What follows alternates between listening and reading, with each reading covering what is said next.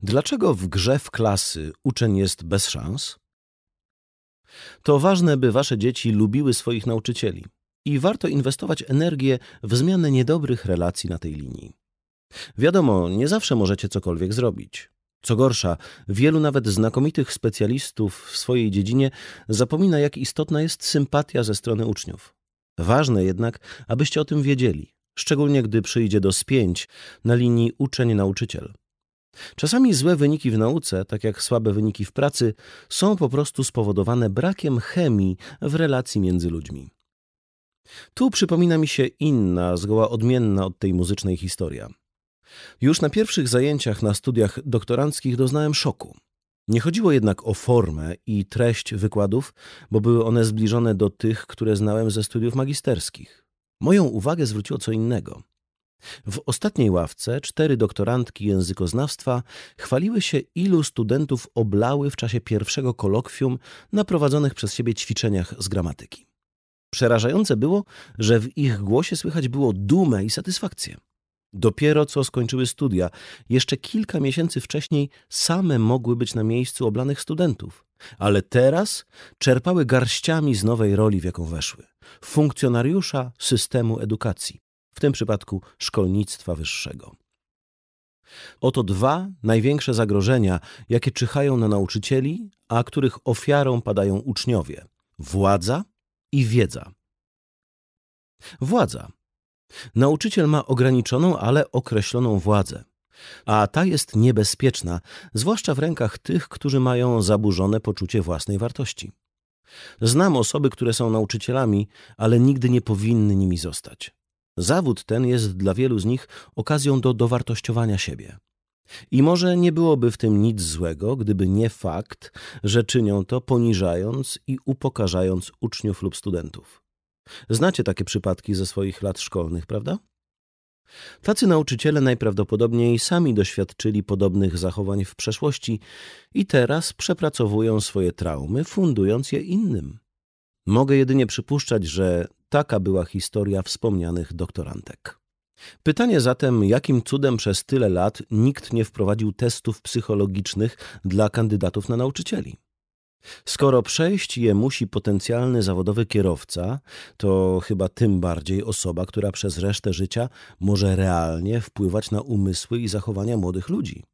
Dlatego w interesie zarówno rodziców, jak i środowiska nauczycielskiego powinno być zabieganie o zaliczenie tego rodzaju testów przed dopuszczeniem kogokolwiek do pracy z młodymi ludźmi. Wiedza. Nauczyciele paradoksalnie powinni uważać na swoją wiedzę albo przynajmniej pamiętać, jak długim i żmudnym procesem w ich przypadku było jej zdobywanie.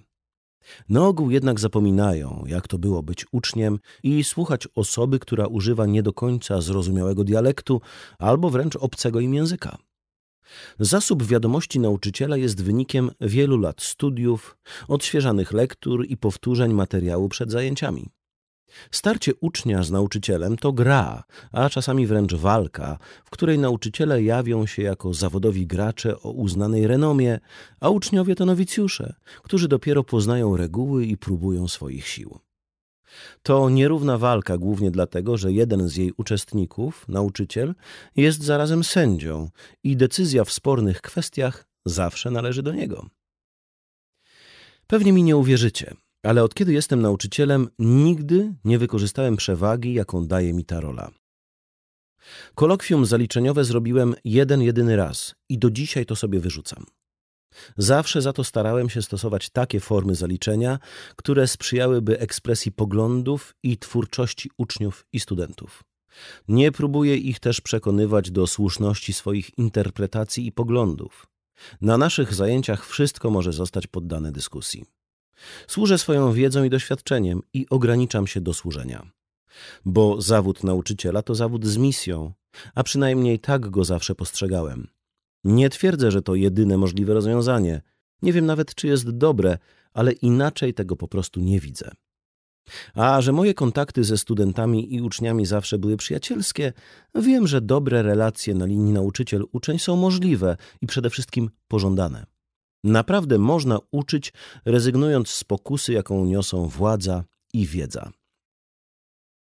Na co w takim razie powinniście zwracać uwagę nauczycielom swoich dzieci?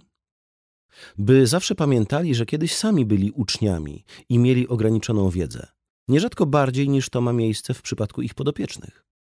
By swoimi doświadczeniem i wiedzą wspomagali uczniów, a nie skupiali się na wykazywaniu ich ignorancji. By korzystali ze swojej władzy dla dobra podopiecznych. Pamiętajcie, że w systemie edukacji wasze dzieci pozbawione są jakiejkolwiek podmiotowości i praw. W trudnych sytuacjach mogą liczyć tylko na was i ewentualne wsparcie nauczyciela. By dali się polubić waszym dzieciom.